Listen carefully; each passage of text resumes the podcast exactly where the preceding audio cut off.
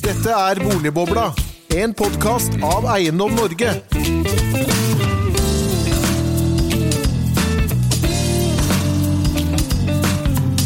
Hjertelig velkommen til en ny episode av eh, Boligbobla. Denne gang er vår gave til lytterne en bonuspod med opptak av vår lansering av Sykepleierindeksen for andre halvår 2020 med en boligdebatt. Vi spør hva har utviklingen i boligmarkedet betydd for muligheten til å bli boligeier i Norge? Hvordan blir fremtiden for den norske boligmodellen? Hva er regjeringens strategi for boligmarkedet, og hvilke politiske løsninger må til for å skape et enda mer velfungerende boligmarked i Norge? Hjertelig velkommen til Eiendomsverdi og Eiendom Norges morgenmøte om sykepleierindeksen. Og dette møtet det begynner med at vi får presentert sykepleierindeksen for andre halvår 2020. Og deretter så skal vi ha boligpolitisk debatt. Og vi er så heldige å ha med oss, vi får kalle deg boligminister, Nikolai Astrup. Vi har med oss stortingsrepresentant Sigbjørn Gjelsvik fra Senterpartiet, som også sitter i programkomiteen. Og boligpolitisk i Arbeiderpartiet, Siri Gåsemyr Stolsen. Da gir jeg med en gang ord vedkommende, som er sykepleier Anders Lund i Eiendomsverdi. Vær så god. Å si noen ord om hvem Eiendomsverdi er. Vi er ikke et uh, household name i, uh, blant husholdningene i Norge, men vi er veldig kjent i boligbransjen. Alle norske banker, alle norske eiendomsmeglere bruker eiendomsverdi på, i sitt daglige virke. Uh, og hvorfor gjør de det? Fordi vi har tilgang til live boligdata. Og eiendomsverdi dette er et eksempel fra vår tjeneste. Eiendomsverdis rolle er å samle data på vegne av bransjen. Vi samarbeider med alle eiendomsmeglere. De gir oss data på daglig basis og rapporterer inn alt av informasjon på alle salg. Eksempelet her er en eiendom som ble solgt i går. Da har vi fått informasjon om det. Vi har fått bilder fra prosessen. Vi vet hvor stor den er, vi vet hva prisantydningen var, vi vet hvor lang tid det tok å omsette boligen. Det gjør at boligmarkedet blir ekstremt transparent for profesjonelle parter. Det er også en forutsetning for oss at vi har en god offentlig digital infrastruktur i bunn. Det er det vi strukturerer dataene på. Men det som er konsekvensen for forbrukerne og for bransjen, er at når markedet er transparent, så blir det i stor grad av tillit, og transaksjonskostnadene både ved å bytte bank, men også ved å kjøpe og selge en bolig, går ned.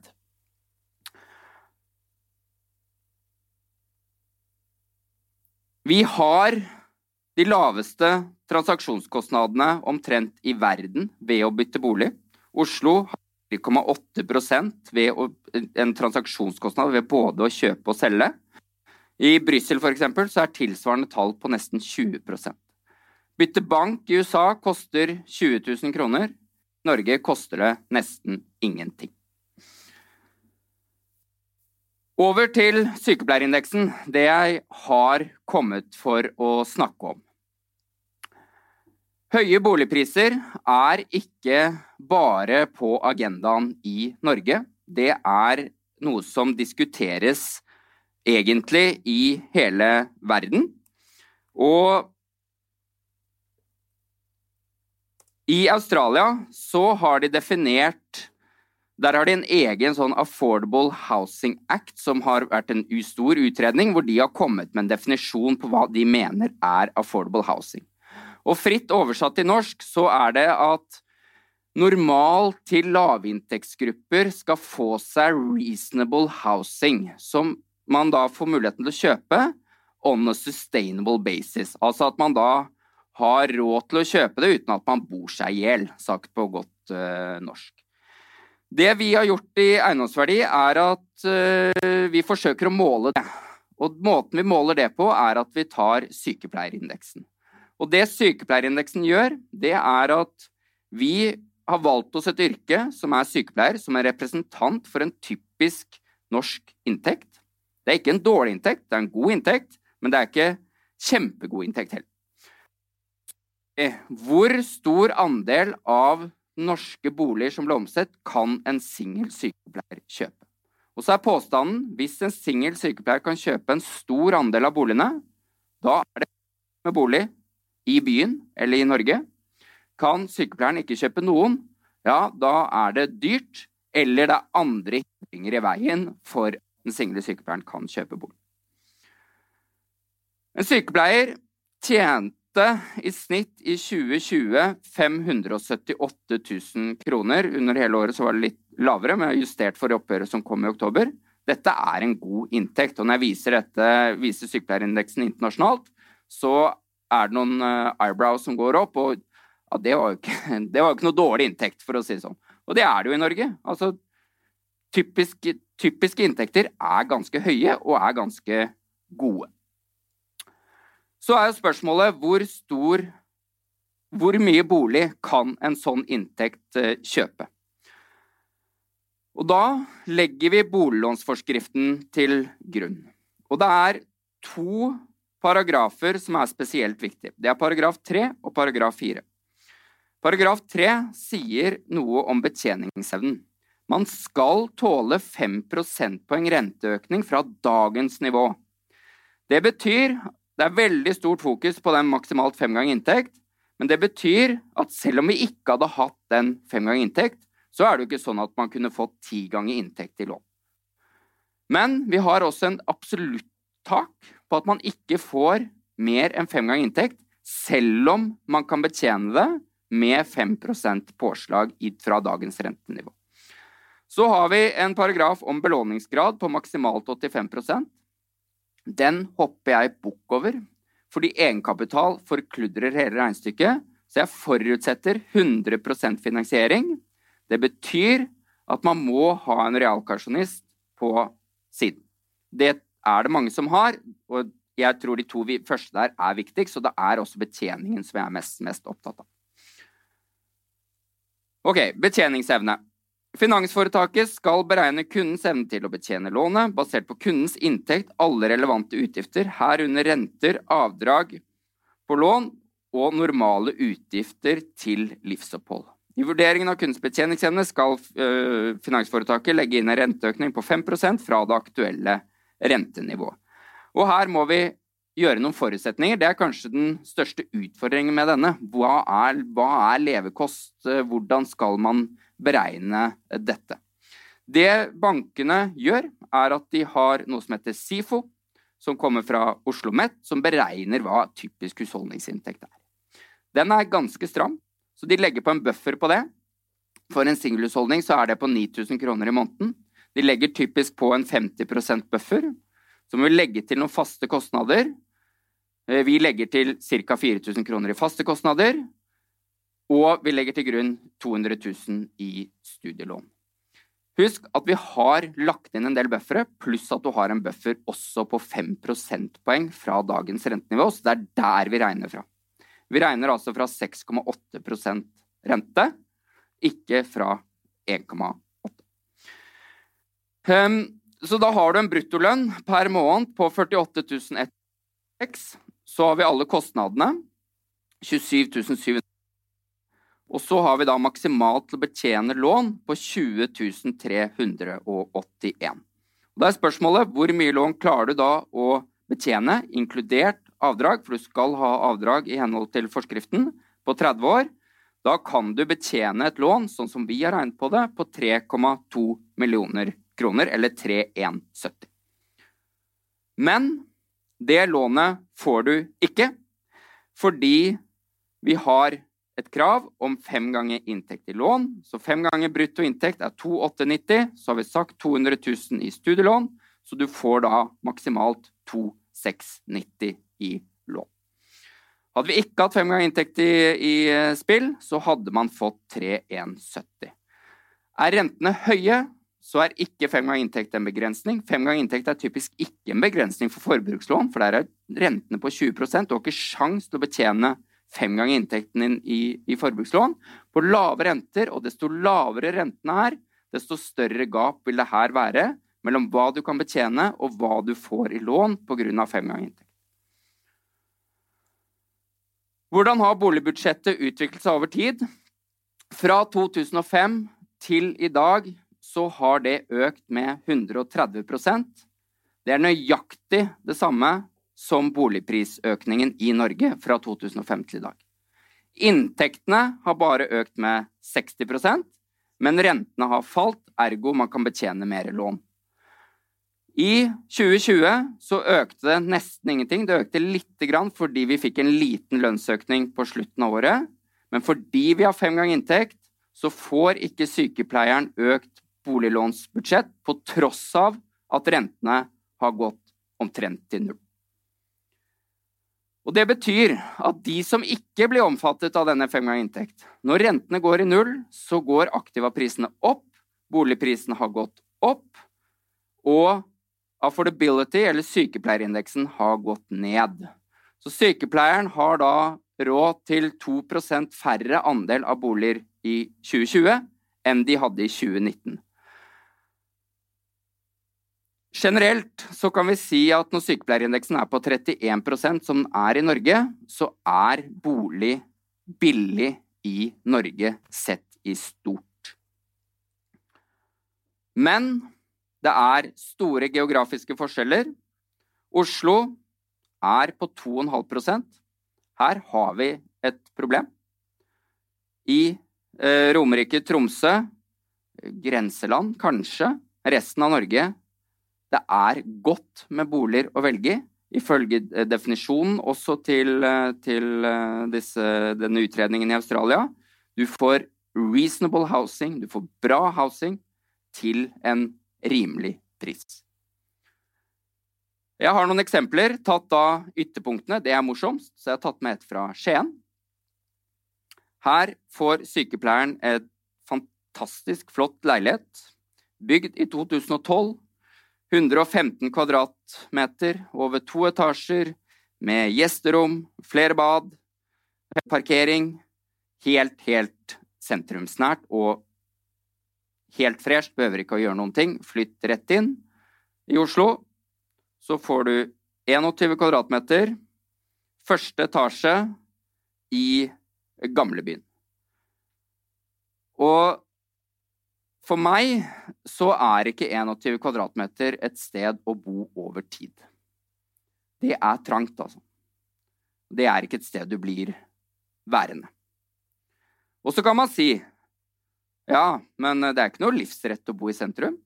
Du kan flytte ut, selvfølgelig kan du det, og pendle inn.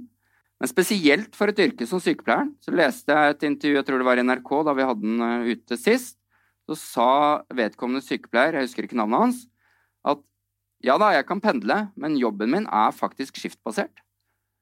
Det er ikke spesielt kult å sette seg i bilen og kjøre en uh, halvtime, time uh, når du går av skift klokken syv på morgenen.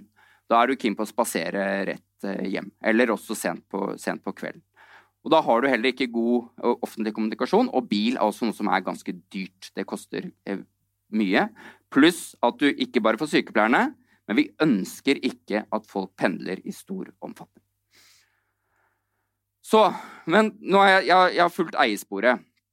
La oss nå også, for det er jo bare at du skal få reasonable housing, la oss sjekke leie. Så reasonable, adequate in standard, bla, bla, bla. Samme som, samme som uh, Vi forutsetter samme som sist. Jeg gjorde et søk på Finn i går. Hva kan jeg få å leie? Og vi har jo kommet ut med leiepriser som sier at leieprisene har jo knapt steget. Ja, positive nyheter. Dette kan jo virke som at leiemarkedet kanskje er en attraktiv løsning for sykepleieren. Jeg fant en flott leilighet, eh, også i gamlebyen, men 40 eh, kvadratmeter. Denne er, eh, denne er fin. Denne hadde jeg kunnet bo i lenge og trivdes godt i. Hyggelig bomiljø. Koster 12 900 kroner i måneden. Og vi husker at sykepleieren omtrent 22 000 eller noe sånt å betjene eh, eh, altså etter at du har betalt faste kostnader osv. Litt mer også, faktisk. 25 000 eller noe sånt. Så dette bør jo faktisk gå greit, hvis vi husker at SIFO-budsjettet ligger på rundt 10 000. Dette bør gå greit. Men hva er alternativet? Alternativet er å kjøpe den samme leiligheten. Det kan man gjøre. Hva koster det? Det koster all in med fellesgjeld. Nå er prisantydningen her 3690. Jeg mener å huske at det var totalpris på 3,8 millioner. La oss regne på hva dette koster sykepleieren. Kjøpspris 3,8 millioner. Rentekostnader Det er bare rente som er kostnaden på lån. Avdrag er ikke kostnad. Jeg er overrasket over hvor mange ganger jeg hører at avdrag blir dratt frem som en kostnad. Det er sparing. Punktum. 1,8% det er 68 400 kroner per år. Rentekostnad per måned er 5700 kroner. Etter skatt så er det 4500 kroner, eller 4446. Felleskostnader, strøm, TV og internett på denne leiligheten er 2500, det er sjekket ut. Totalkostnad per måned 6946. Mot 12009 i leie. Det er 6000 kroner spart hver eneste måned hvis du kjøper. Det er 72 000 i året, og 200, godt over 200 000 hvis du tar over leieperioden på tre år. Men vi sier at sykepleieren kan få leie for 12 009, men vi sier at du får ikke lånet til å kjøpe den på 3,8, for det har vi regulert i forskrift. Og så er det et kjempeviktig poeng, og det er et godt poeng. Ja ja, men la vi sier at vi er frislipp på all kreditt. Da kommer markedet til å oversvømmes av kreditt, boligprisene kommer til å tilpasse seg på et like høyt nivå, og alle må bare ta opp mer lån for å bo på det samme sted, og boligprisene er dobbelt så høye, og du har akkurat det samme problemet, bare at folk har mer gjeld. Jeg kjøper resonnementet, men det er ikke riktig. Vi innførte fem ganger inntekt i 2017. Da, og jeg fokuserer nå på Oslo, for det er bare Oslo at vi har et problem, da gikk sykepleierindeksen fra 7,9 til 2,9 og etablerte seg på et lavere nivå enn den var før vi innførte 5X inntekt. Og dette problemet vil vedvare så lenge rentene er på et så lavt nivå at fem ganger inntekt er en reell begrensning. Hvis renten er over, sånn som jeg regner på det, så er boliglånsrenten der hvor det går ut på det samme, omtrent 3-3,5% Hvis renten er over det, så trenger du ikke fem ganger inntekt, for da er det betjeningsevnen som setter begrensning. Oppsummert sykepleierindeksen viser at bolig er billig i Norge. Oslo omegn er utilgjengelig for sykepleieren pga. høye priser og gjeldende regulering. Gjeldsgradsbegrensningen har ført til et varig negativt skift i sykepleierindeksen. Og jeg skjønner altså argumentene fra finanstilsyn, finansdepartement om finansiell stabilitet. Der er det hensyn å ta, men det er noen kostnader på mikronivå som vi må huske på. Da skal vi eh, få en debatt her med, med god avstand. Eh, jeg er Erik Lundesgaard, jeg er sjef for kommunikasjon og politikk i, Eiendom Norge. Vi har jo invitert et uh, utmerket panel. Jeg kan jo begynne med boligministeren, som ble introdusert her. Eller kommunal- og moderniseringsminister. Velkommen til deg, hvis du tar plass i midten her. Eh, og så har vi da fått eh, Sigbjørn Gjelsvik fra Senterpartiet, eh, finanskomiteen, hvis du tar neste, neste plass. Og så har vi fått boligpolitisk talsperson fra, fra Arbeiderpartiet, Siri Staalesen. Eh, hvis du kan ta den ytre borterste plassen. Og så har vi vår egen eh, Der, ja. Takk. Eh, vår egen sjef for boligprisene, Eine Norge-direktør Henning Lauritzen. Jeg kan kanskje begynne med deg, Henning, når, vi ser dette her, utviklingen og, og hva tilgangen til boligmarkedet har vært i 2020. Så kan vi se litt hvordan det blir i 2021. Vi var ute med prognose rett før jul eh, hvor vi spår ytterligere 9,5% oppgang i Oslo, 7,5 nasjonalt. Dette vil jo bli enda trangere eh, i året som kommer. Ja, De tallene viser jo at det åpenbart kommer til å bli enda trangere for sykepleieren. Spesielt i Oslo, men også mange andre steder i landet. Og så lenge vi får en, en, prisvekst i boligmarkedet som går godt utover lønnsveksten til, til, sykepleieren, så vil vi helt åpenbart få forsterket disse problemene fremover. Og det er jo veldig negativt. Så når vi nå snakker 2,5 tilgjengelig bolig i Oslo her i år, så vil det kanskje være 1 neste år? Ja, jeg tror vi ganske snart kommer til å komme ned på et nivå hvor det i praksis nesten ikke blir noen boliger som er tilgjengelig i f.eks. Oslo for de med middels eller lave inntekter.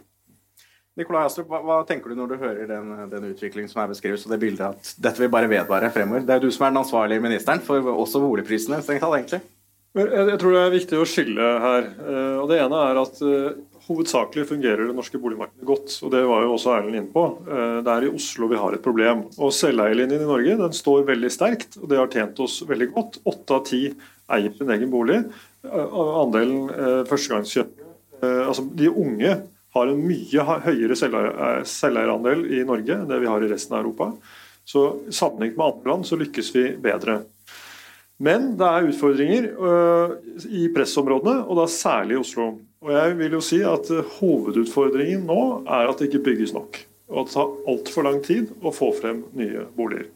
Og vi vet at det tar, eller Utbyggerne forteller oss at det tar fire og et halvt år å få frem en reguleringsplan i Oslo. Det er veldig lang tid.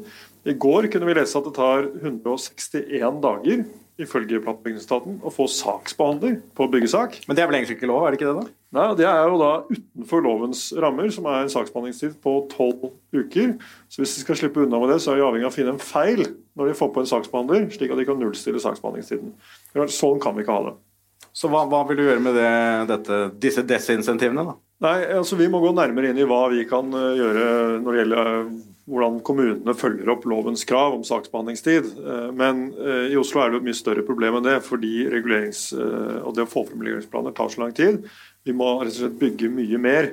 Og Det er ikke fordi at det alene kommer til å få oss ut av den situasjonen som vi er i Oslo, men det kommer til å bidra. Og Housing Lab, som forsker på dette, har jo sagt at bygger vi 10 000 nye boliger i Oslo, så vil det alt annet like redusere prisene med 10 prosentpoeng. Og Det sier noe om hvor viktig det er at vi får frem flere nye boliger. Men Housing Lab, som da også er ditt eget forskningsinstitutt også, i og for seg, for det er jo finansiert av Kommunal- og moderniseringsdepartementet bl.a. Det betyr ikke at de ikke har uh, god kunnskap å bidra med. Nei, men, men, de, men, de, sier jo også det at uh, renten, når renten settes ned, uh, sånn som den gjør nå, så har det mye sterkere effekt i områder hvor da byggingen er treg. Er ikke dette også et nasjonalt problem, som, som er regjeringens ansvar da, i og for seg? Sånn sett? Det er ikke regjeringens ansvar at renten er lav, det kan jeg si med en gang. Nei, nå snakket jeg om byggingen. Eh, eh, men eh, det er klart at det at renten går ned, det bidrar til at boligmarkedet går opp. og alt annet like, Og i og for seg alle andre aktive klasser også. Så spørsmålet er hva som skjer når renten da går opp.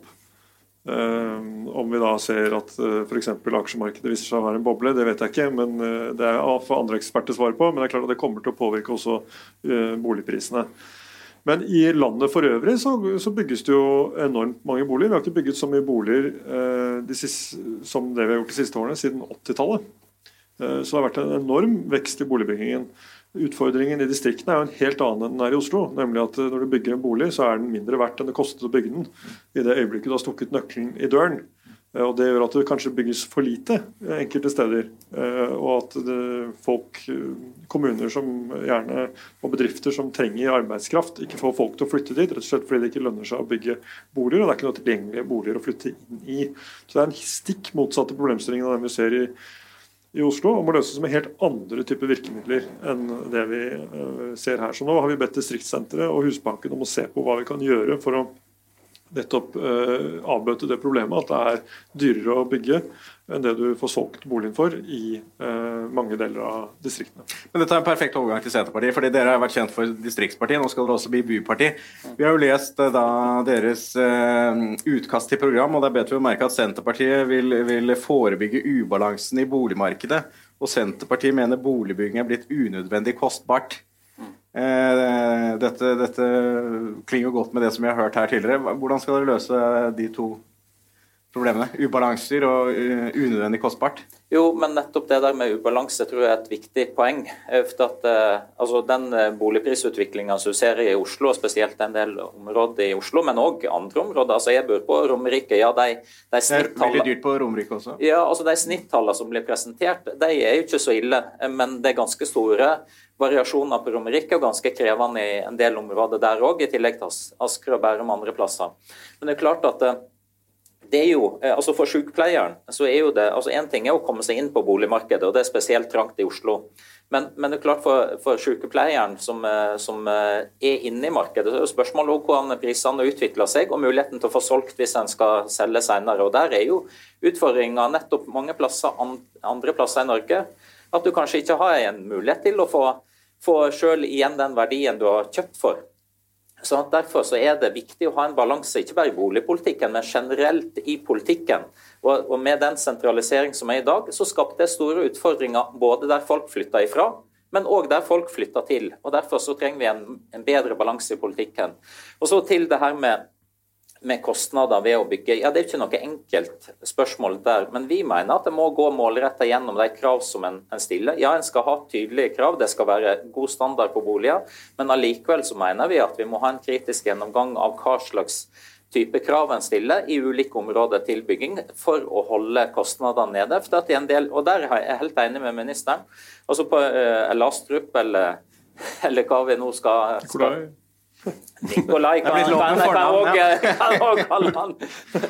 Men, men, men ikke sant? Altså, hvis kostnaden ved å bygge er så høy at når du eh, setter nøkkelen i døra, så kan du ikke forvente å få det igjen hvis du da skal, skal selge.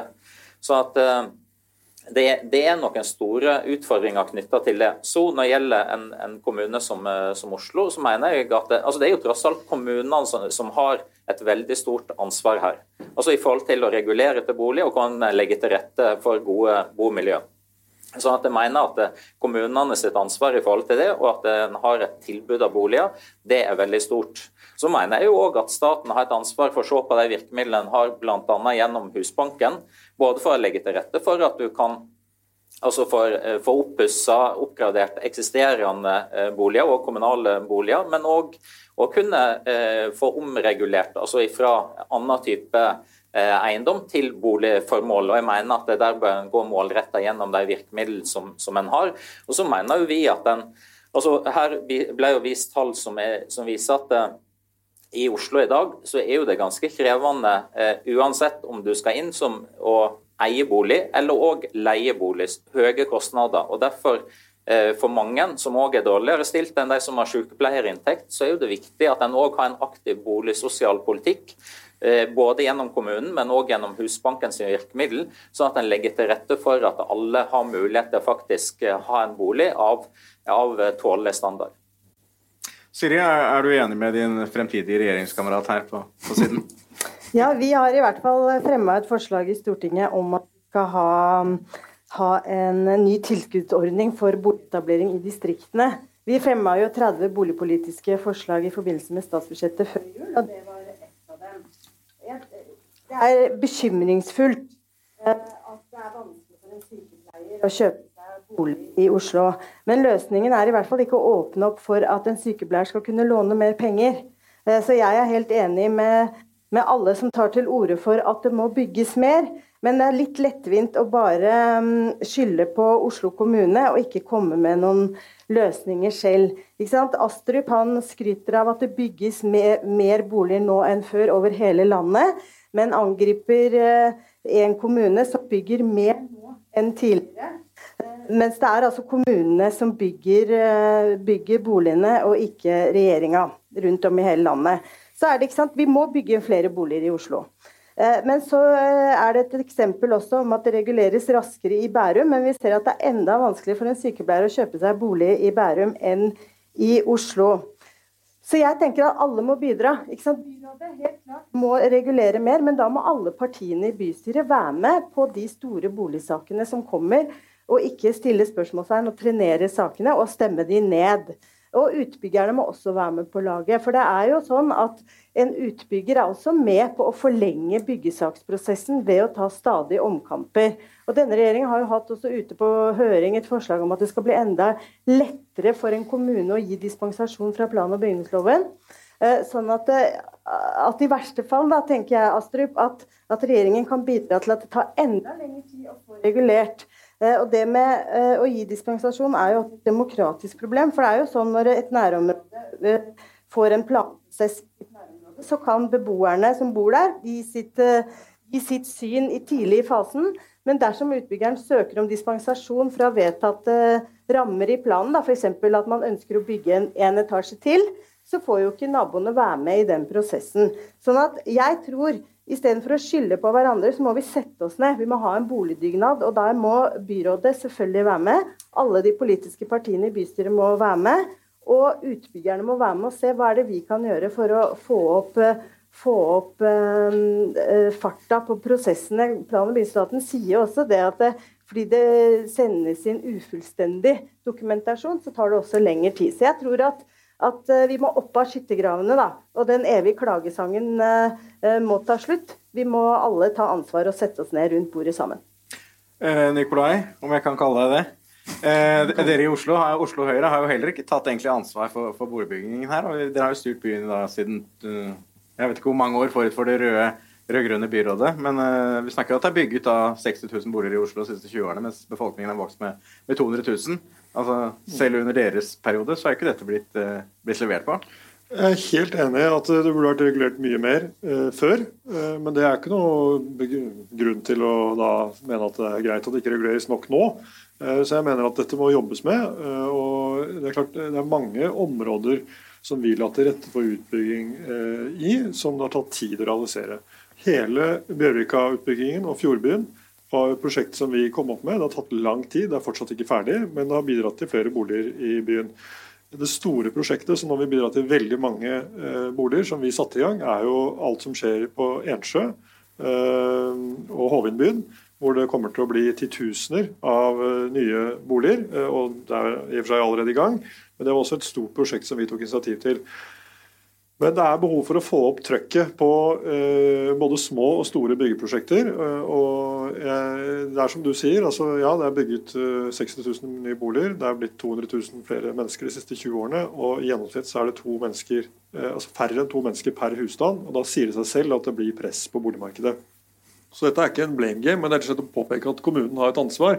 Jeg bidrar gjerne hvis kommunen Altså, vi har hatt møte med utbyggerne og med kommunen om dette. Hva kan staten gjøre for å få fortgang på ting?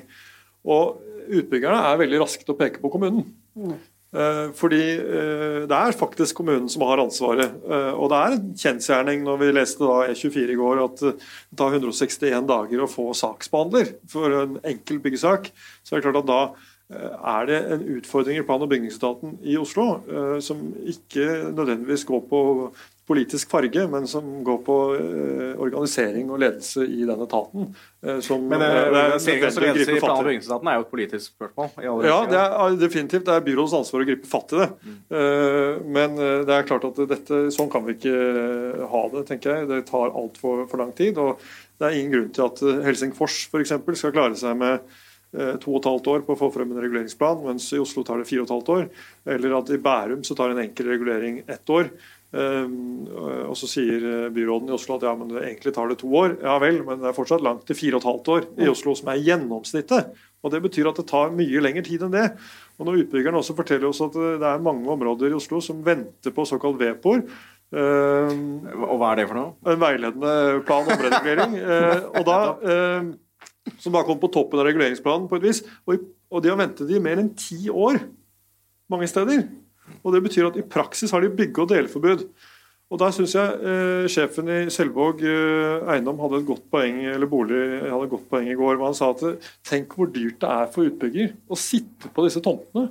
Du har lånt penger for å kjøpe en tomt, og så skal du sitte og vente på en regulering og en ferdigstillelse i fem, seks, syv, kanskje ti, tolv år. Det er klart at Da er det bare de store igjen. Da Da luker vi ut alle de små eh, boligutviklerne Eh, som kunne ha bidratt til å fått frem flere boliger, og dermed samlet sett kunne dempe presset i boligmarkedet. Så dette må det gjøres noe med. Og Hver gang jeg påpeker det, så får jeg tilbake at ja, men hva skal staten gjøre? Vel, det er faktisk kommunen som må bidra. Og hvis, vi kan, hvis kommunen har konkrete eksempler på ting vi skal gjøre for å legge til rette, så gjør vi selvfølgelig gjerne det. Men i all hovedsak så er dette kommunens eget ansvar. Henning, er det, er det kommunens ansvar? for ja, ja i, i, hovedsak så er det kommunens ansvar. og Jeg har jo noen gang tenkt at jeg skulle ønske meg at vi hadde eh, boligpolitikere i f.eks. Oslo kommune som kom til utbyggerne og sa at nei, dere får ikke lov å bygge, dere må legge på to ekstra etasjer. Nå, nå trenger vi boliger i byen her. Det, det, er klart at det at det tar lang tid å bygge, det, det fører jo til at kostnadene blir veldig mye høyere. Og så er vi også i en situasjon hvor jeg er redd for at vi i øyeblikket, hvis vi skal ta Oslo som eksempel, ser at mange utbyggere opplever det som såpass trøblete å bygge i Oslo, for det tar lang tid, at de kaster øynene sine på boligprosjekter andre steder. Eh, vi ser for Oslo-regionens vedkommende at det er veldig stor utbygging i noen av de omkringliggende kommunene. Og det er bra på mange måter, for det demper jo presset på boligmarkedet i Oslo. Samtidig så blir det jo på en måte en, en form for eh, uten- og fra, fra og inn-bygging. Men jeg tror jo eh, Siri påpekte noe her. Her er det viktig at eh, alle aktørene går sammen og at man, utbyggere, staten, kommunen, i fellesskap ser hva man kan gjøre for å få løst dette. For jeg tror nok at boligsituasjonen i Oslo er i ferd med å bli et nasjonalt problem. Og så har vi helt andre problemstillinger i boligmarkedet andre steder som man, som man også må gripe fatt i. Men det at folk med vanlige inntekter i fremtiden får problemer med å etablere seg i hovedstaden, det skaper problemer ikke bare når det gjelder likhet, men det kan også skape problemer for norsk økonomi. Hvordan kan det skape problemer for norsk økonomi? Vi, vi, kan se for oss at de bedriftene som er etablert i Oslo, de får ikke de beste hodene. Fordi de beste hodene har ikke råd til å etablere seg i hovedstadsområdet. Og eh, I USA så har man sett på dette. Man har sett på kostnaden ved at man er veldig strenge med boligbygging i tre store byer, New York, San Francisco og ja, San José-området og komme til at det reduserer amerikansk BNP med 3-4 Og For Norges vedkommende så kunne man da tenke seg at skal vi sagt en 3-4 så snakker vi om 120-140 milliarder kroner. Vi vet ikke om det er tilfellet her, men vi, vi kan se dette igjen i dårligere nasjonaløkonomi, rett og slett. Sigbjørn, du, du, var med ordet. Ja. Og så var det Nei, også for første jeg var inne på i stad også, at det, Vi mener jo at det er behov for å, å regulere et raskere tempo i Oslo for å legge til rette for flere boliger. Men så vil jeg jo òg si det, altså, eh, altså når det kommer innspill på her at ja, nå man liksom altså bare kunne slenge på et par ekstra etasjer og flere enheter. altså Jeg, jeg mener at vi òg skal tenke igjennom altså ofte at Boligbygging handler òg om hvordan du eh, eh, bygger, altså lager gode lokalmiljø og å tenke rundt det. Og jeg mener eksempelvis at en del plasser så har du liksom allerede kommet dit hen at du bygger liksom både for, for tett og for, for, høyt. At du må tenke òg friområde, friareal. Eksempelvis knytta til den debatten som har vært i Nydalen, ikke sant? med at du òg må ha noen friområde, parkområder i nærheten der folk bor. sånn at både i bygd og i by så skal folk faktisk ha plass rundt seg til å ha, til å ha gode areal. Det skal ikke bare være en plass å sove, det skal være en plass å leve. Og, Det mener jeg at vi må ha fokus på. Sånn det er viktig at du har gode prosesser i forhold til regulering, men, men eh, mitt, min klare holdning er at det har tatt for, for lang tid i Oslo, og bl.a. ut ifra noen av hensynene som, eh, som eh, Astrup er inne på. Men så til det her som går på på boligbygging rundt. Og jeg, jeg, er enig i at altså Eksempelvis en sykepleier, det kan være andre også som jobber skift, jobber turnus, som, som det er stor, viktige grunner til at du du bor relativt nært der du har arbeidsplassen din. Men for mange så er jo det mulighet til, til å pendle. Eh, og Derfor så er det også viktig at en har en god boligbygging i områder rundt Oslo. og Tilsvarende i andre felles bo- og arbeidsområder òg. Og ja, det er god boligbygging i noen områder, men det er jo en god del områder Jeg kjenner jo godt Romerike, bor på Romerike sjøl. En del områder der det òg er veldig vanskelig å få til boligbygging, av ulike årsaker. For første pga. ganske strenge nasjonale retningslinjer i forhold til hvor hen du skal bygge og ikke. Der mener jeg faktisk at vi må, må tenke litt Du tenker da på statens planretningslinjer? Ja, blant annet. Altså at du skal liksom, og, og vi òg er opptatt av at du skal ikke bygge hvor som helst, at du skal liksom ha konsentrert utbygging. Men så stramt som det er i dag knytta til eh, knutepunkt, og som òg Akershus har en, en, plan på som, som strammer det ytterligere til, der bør vi, der bør vi slippe litt litt mer opp.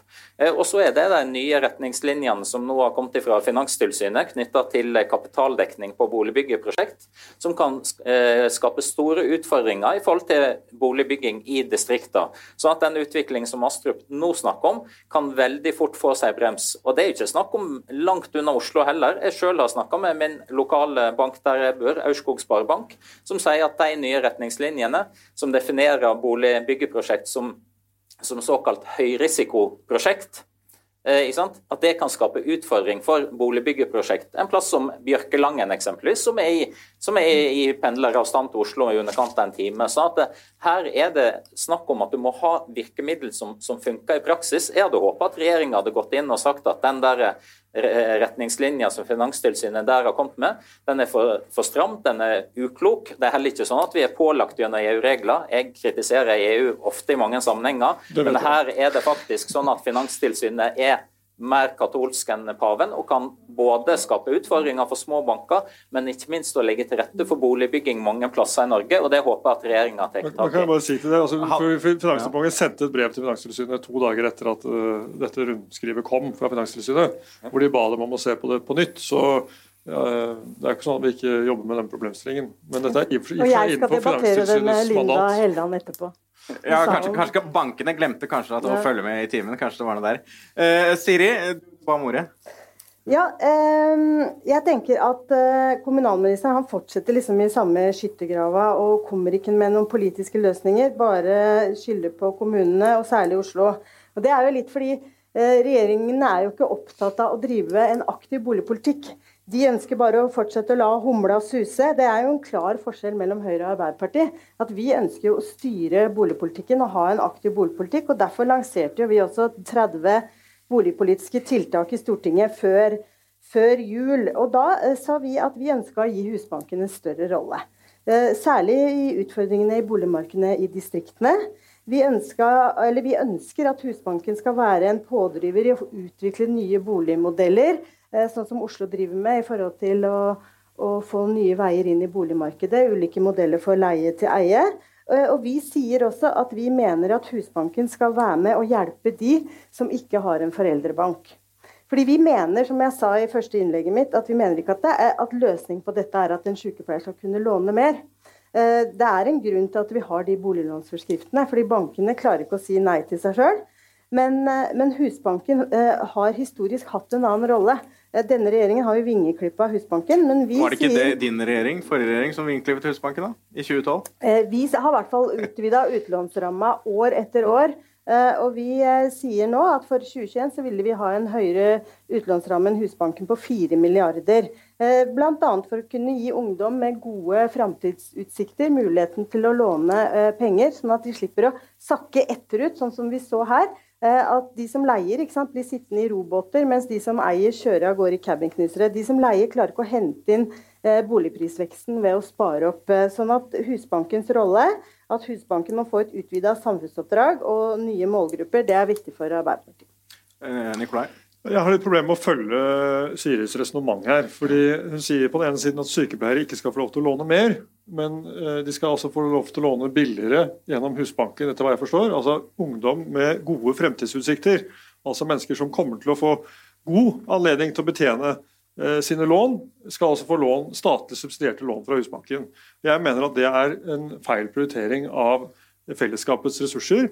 Vi bør forbeholde Husbankens virkemidler for de som faktisk er vanskeligstilte på boligmarkedet og trenger hjelp til å komme inn. Og Vi la frem en ny nasjonal boligsosial strategi eh, før jul, eh, hvor vi nettopp vektlegger det behovet. At vi må gjøre mer for å hjelpe flere av de som sliter eh, med å komme seg inn på boligmarkedet. Altså de som sliter over tid. Ikke de som har, kan du si, eh, gjerne skulle kommet inn nå, eh, og hvor boliglånsforskriften er en brems. Eh, jeg mener at skal, man skal forbeholde eh, statlige eh, lån til dem. Fordi, som Siri jo sier, de skal ikke få lov til å låne mer. Nei vel, men hva skal de da i Husbanken gjøre? De kan jo låne de pengene de skal i en privat bank. De har mulighet til å betjene det, og ifølge Eiendom Norge kunne de i grunnen betjent mye mer. Så hvorfor de skal inn i Husbanken og ta opp da, eh, bruke fellesskapets midler, det kan jeg ikke forstå. Og så er jeg helt uenig eh, med Siri at vi ikke har eh, klare ambisjoner for hva vi vil med boligmarkedet. Tvert om. Eh, men vi ønsker altså ikke en radikal omlegging slik Arbeiderpartiet gjør, fordi vi mener at i hovedsak, i hovedsak så er den norske boligmodellen blant de mest vellykkede i Europa, for ikke å si den mest vellykkede i Europa. Utfordringen er de som da ikke er en del av dette boligmarkedet. De må vi hjelpe, derav den nasjonale boligstrategien. Så jeg er enig i at vi kan gjøre mye mer for å hjelpe flere som i grunnen har økonomi til å komme seg inn på boligmarkedet. Eh, gjennom for eksempel, men som ikke får det pga. boliglånsforskriften og som ikke har foreldrebank. F.eks. gjennom eh, leie-til-eie-ordninger. Eh, og Der har vi tatt initiativ til å etablere et nettverk med utbyggere som satser på dette, for å se på hvordan vi skal skalere opp den satsingen. Om det er regulatoriske hindringer f.eks. Eh, som gjør at, eh, og det peker, tyder mye på at det er, mm. eh, som vi kan rydde opp i for å bidra til at dette kan skaleres opp og gi mange flere en inngang inn i boligmarkedet, særlig i pressområdene. Og Det jobbes med dette i Obos, det jobbes med det i Fredensborg, det jobbes med det i Selvåg, det jobbes med det i boligbyggelag i, Trøndelag eller Trondheim. Så her er det mange aktører inne som er store og etablerte. Men det kan jo ikke erstatte det faktum at det bygges for lite i pressområdene. Eh, og Arbeiderpartiets svar har jo lenge vært at vi skal, eh, vi skal ha eh, et tredje boligmarked. altså Folk skal få lov å kjøpe subsidierte boliger, som de da også må selge til en lavere pris enn markedspris. Og Det å stenge en andel av befolkningen ute fra prisutviklingen i boligmarkedet tror jeg er en dårlig idé over tid. Derimot så tror jeg veldig på dette med alternative veier inn, og det kommer vi til å jobbe mye med fremover. Henning, eh, boliglånsforskrift skal ligge fast de neste fire årene. Eh, er det liksom leie til eie og tredje sektor som er svaret? Ja, der hvor tilbudsunderskudd er problemet, så er det bare tilbudsunderskudd som, eh, som kan løse problemet. Det tror jeg ligger ganske fast. Og alle tiltak på, på etterspørselssiden, enten det er boliglånsregulering, det, det løser jo ikke tilbudsunderskuddet. En tredje boligsektor løser jo isolert sett ikke noe tilbudsunderskudd, men den fordeler boligene på en annen måte enn det markedet ville gjort. Sånn at eh, jeg, tror man må se på hvilke problemer man vil løse med eh, de ulike virkemidlene, og så må man, man, man tilpasse dem til det.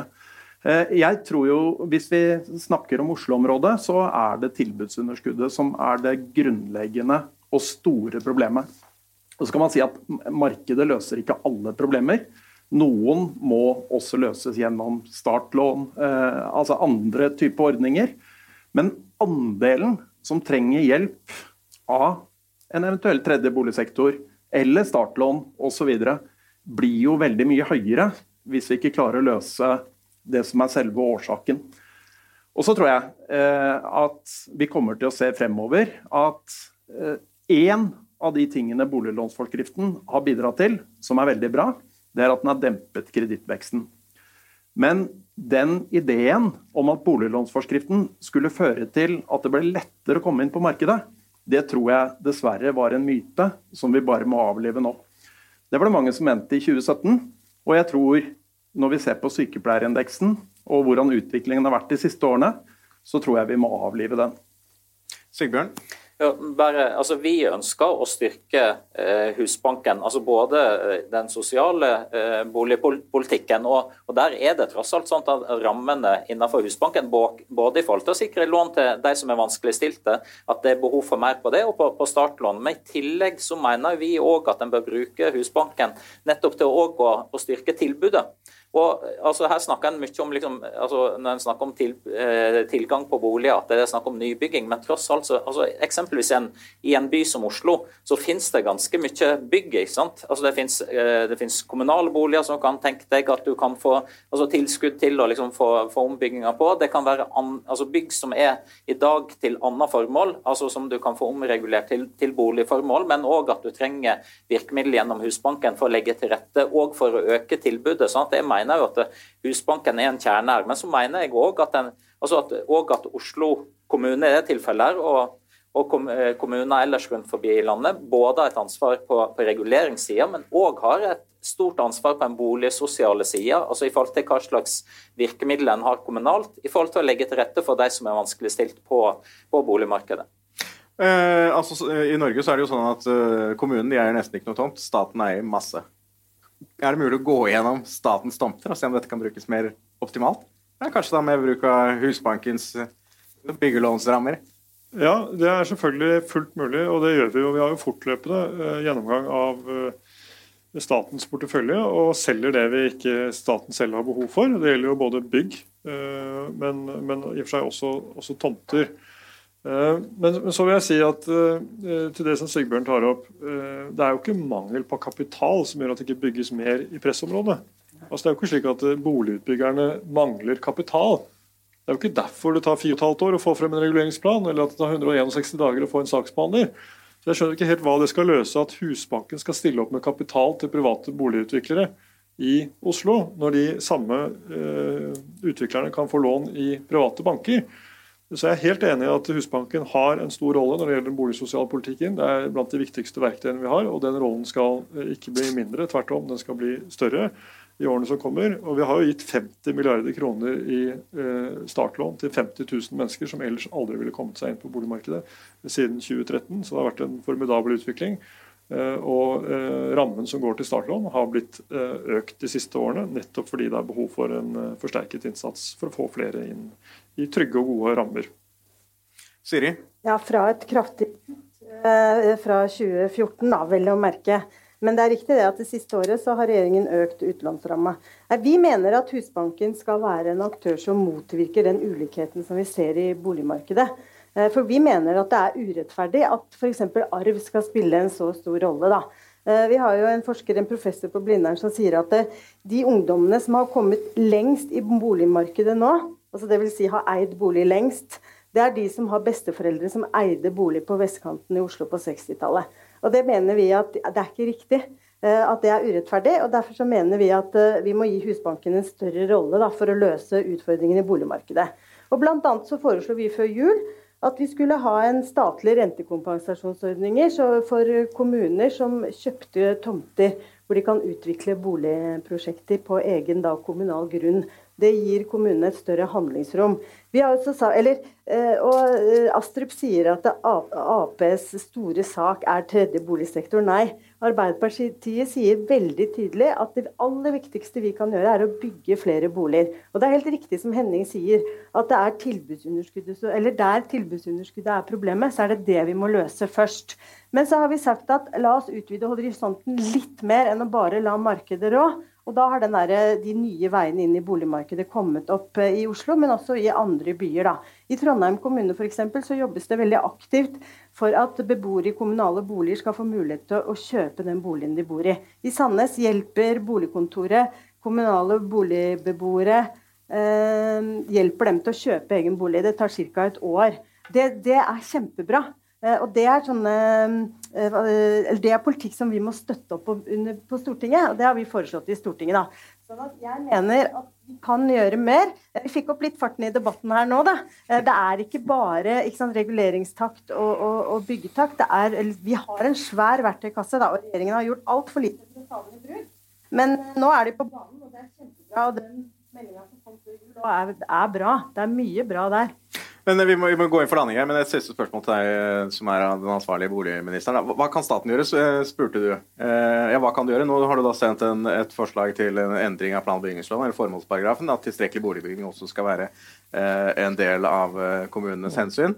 For det andre så, så har du noen lover og regler på saksbehandling og noen pisk og gulrøtter her. Hva kan du gjøre da for å vi har jo gjort vi har gjort det billigere og enklere å bygge gjennom mange år. Eh, og vi har også unntatt en rekke enkle tiltak fra søknadsplikt. F.eks. å sette opp garasje. Nå blir det et nytt tiltak på terrasse, eh, uthus, den type ting. Og eh, Det er selvfølgelig fint for folk flest, men det er også viktig fordi det frigjør kapasitet hos plan- og bygningsmyndighetene i kommunene, som de da kan bruke på å få frem de større prosjektene og de store sakene eh, som vil gi et stort volum av boliger.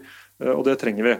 Så, så, vi skal gjøre vårt for å forenkle. Vi gjør ganske mye på digitalisering, både av byggesak, men også av plansak. Og jeg sendte ut Norges første eh, historiske digitale planvarsel. det var for E6 i, i Melhus. per SMS? Da. Denne uken som gikk. Så eller det vil si, jeg overvar at det ble sendt ut. Uh, og Det er jo første si, verktøy i det som skal bli en stor verktøykasse også på plansaker. Og Alt dette handler jo om å effektivisere den delen som kan effektiviseres, slik at vi frigjør ressurser til uh, de sakene som uh, bidrar til å gjøre noe med tilbudssiden. Uh, og det er viktig. Så, så vi skal, også skal, har vi et stort ansvar når det kommer til det boligsosiale arbeidet. og det er der jeg kommer til å rette størstedelen av oppmerksomheten, fordi det er, det er utrolig viktig at vi jobber mer med. Men men, eh, men, alt vi kan gjøre for å bidra til å øke tilbudssiden i pressområdene, kommer vi til å uh, ta, være med på. Altså, vi er veldig åpne for innspill, også fra kommunene selv, uh, om endringer staten kan gjøre for å sette fart på dette. Men hovedansvaret ligger altså hos kommunen. Uh, og så, så, mener jeg fortsatt at vi må forbeholde Husbanken til det Husbanken virkelig er god på, det er det boligsosiale arbeidet. og jeg kan igjen ikke helt se at det at Husbanken skal gå inn og da avlaste kommunene på kommunale tomter at det blir noe særlig volum på eh, byggesiden av det. fordi det er jo ikke så veldig mange kommunale tomter i Oslo, eh, som du også var inne på. Så det er ikke det som eh, kommer til å løse boligproblemet. Og da vil det å bruke Husbanken Men Nå svarte du ikke på det spørsmålet jeg stilte. Da, altså Den endringen i plan- og bygningsloven om at kommunene skal legge til rette for ja. tilstrekkelig boligbygging. Hvilken liksom, pisk har du hvis de ikke følger det? da? Nei, altså øh, vi, vi, har jo erfaring med at kommunene faktisk følger opp de lover og regler som gjelder i Norge. Ikke på byggesak, da, på den tolvukersfristen. Men eh, det er åpenbart behov for å se på hvorfor de ikke følger opp dette på tidsfrist på byggesak. Så, så, det kommer vi til å gå nærmere inn i og se på hva vi kan gjøre. Eh, om sanksjonene er riktige. Altså, I dag er det sånn at kommunene mister byggesaksgebyret hvis de oversitter fristen. Ehm, og Jeg kan altså ikke forstå eh, hvordan det da løses i Oslo, hvor de da i praksis oversitter fristen i alle saker i gjennomsnitt. For Da får du ikke inn noe byggesaksgebyr, og da blir det heller ikke noe kapasitet til å få frem flere saker. Så det blir en ond sirkel. Ehm, så, så, så, vi må gå nærmere inn i den saken og se på om det er noe vi kan gjøre. Eh, og om det, vi må frem med pisken, eller om vi må ha mer gulrot, eller hvordan det skal gjøres for å få, eh, få saksbehandlingstiden ned. fordi vi kan ikke ha det sånn som det er nå. Hjertelig takk eh, til panelet. Eh, vi er tilbake med neste sykepleieroppdatering om et eh, halvt år, så takk for i dag.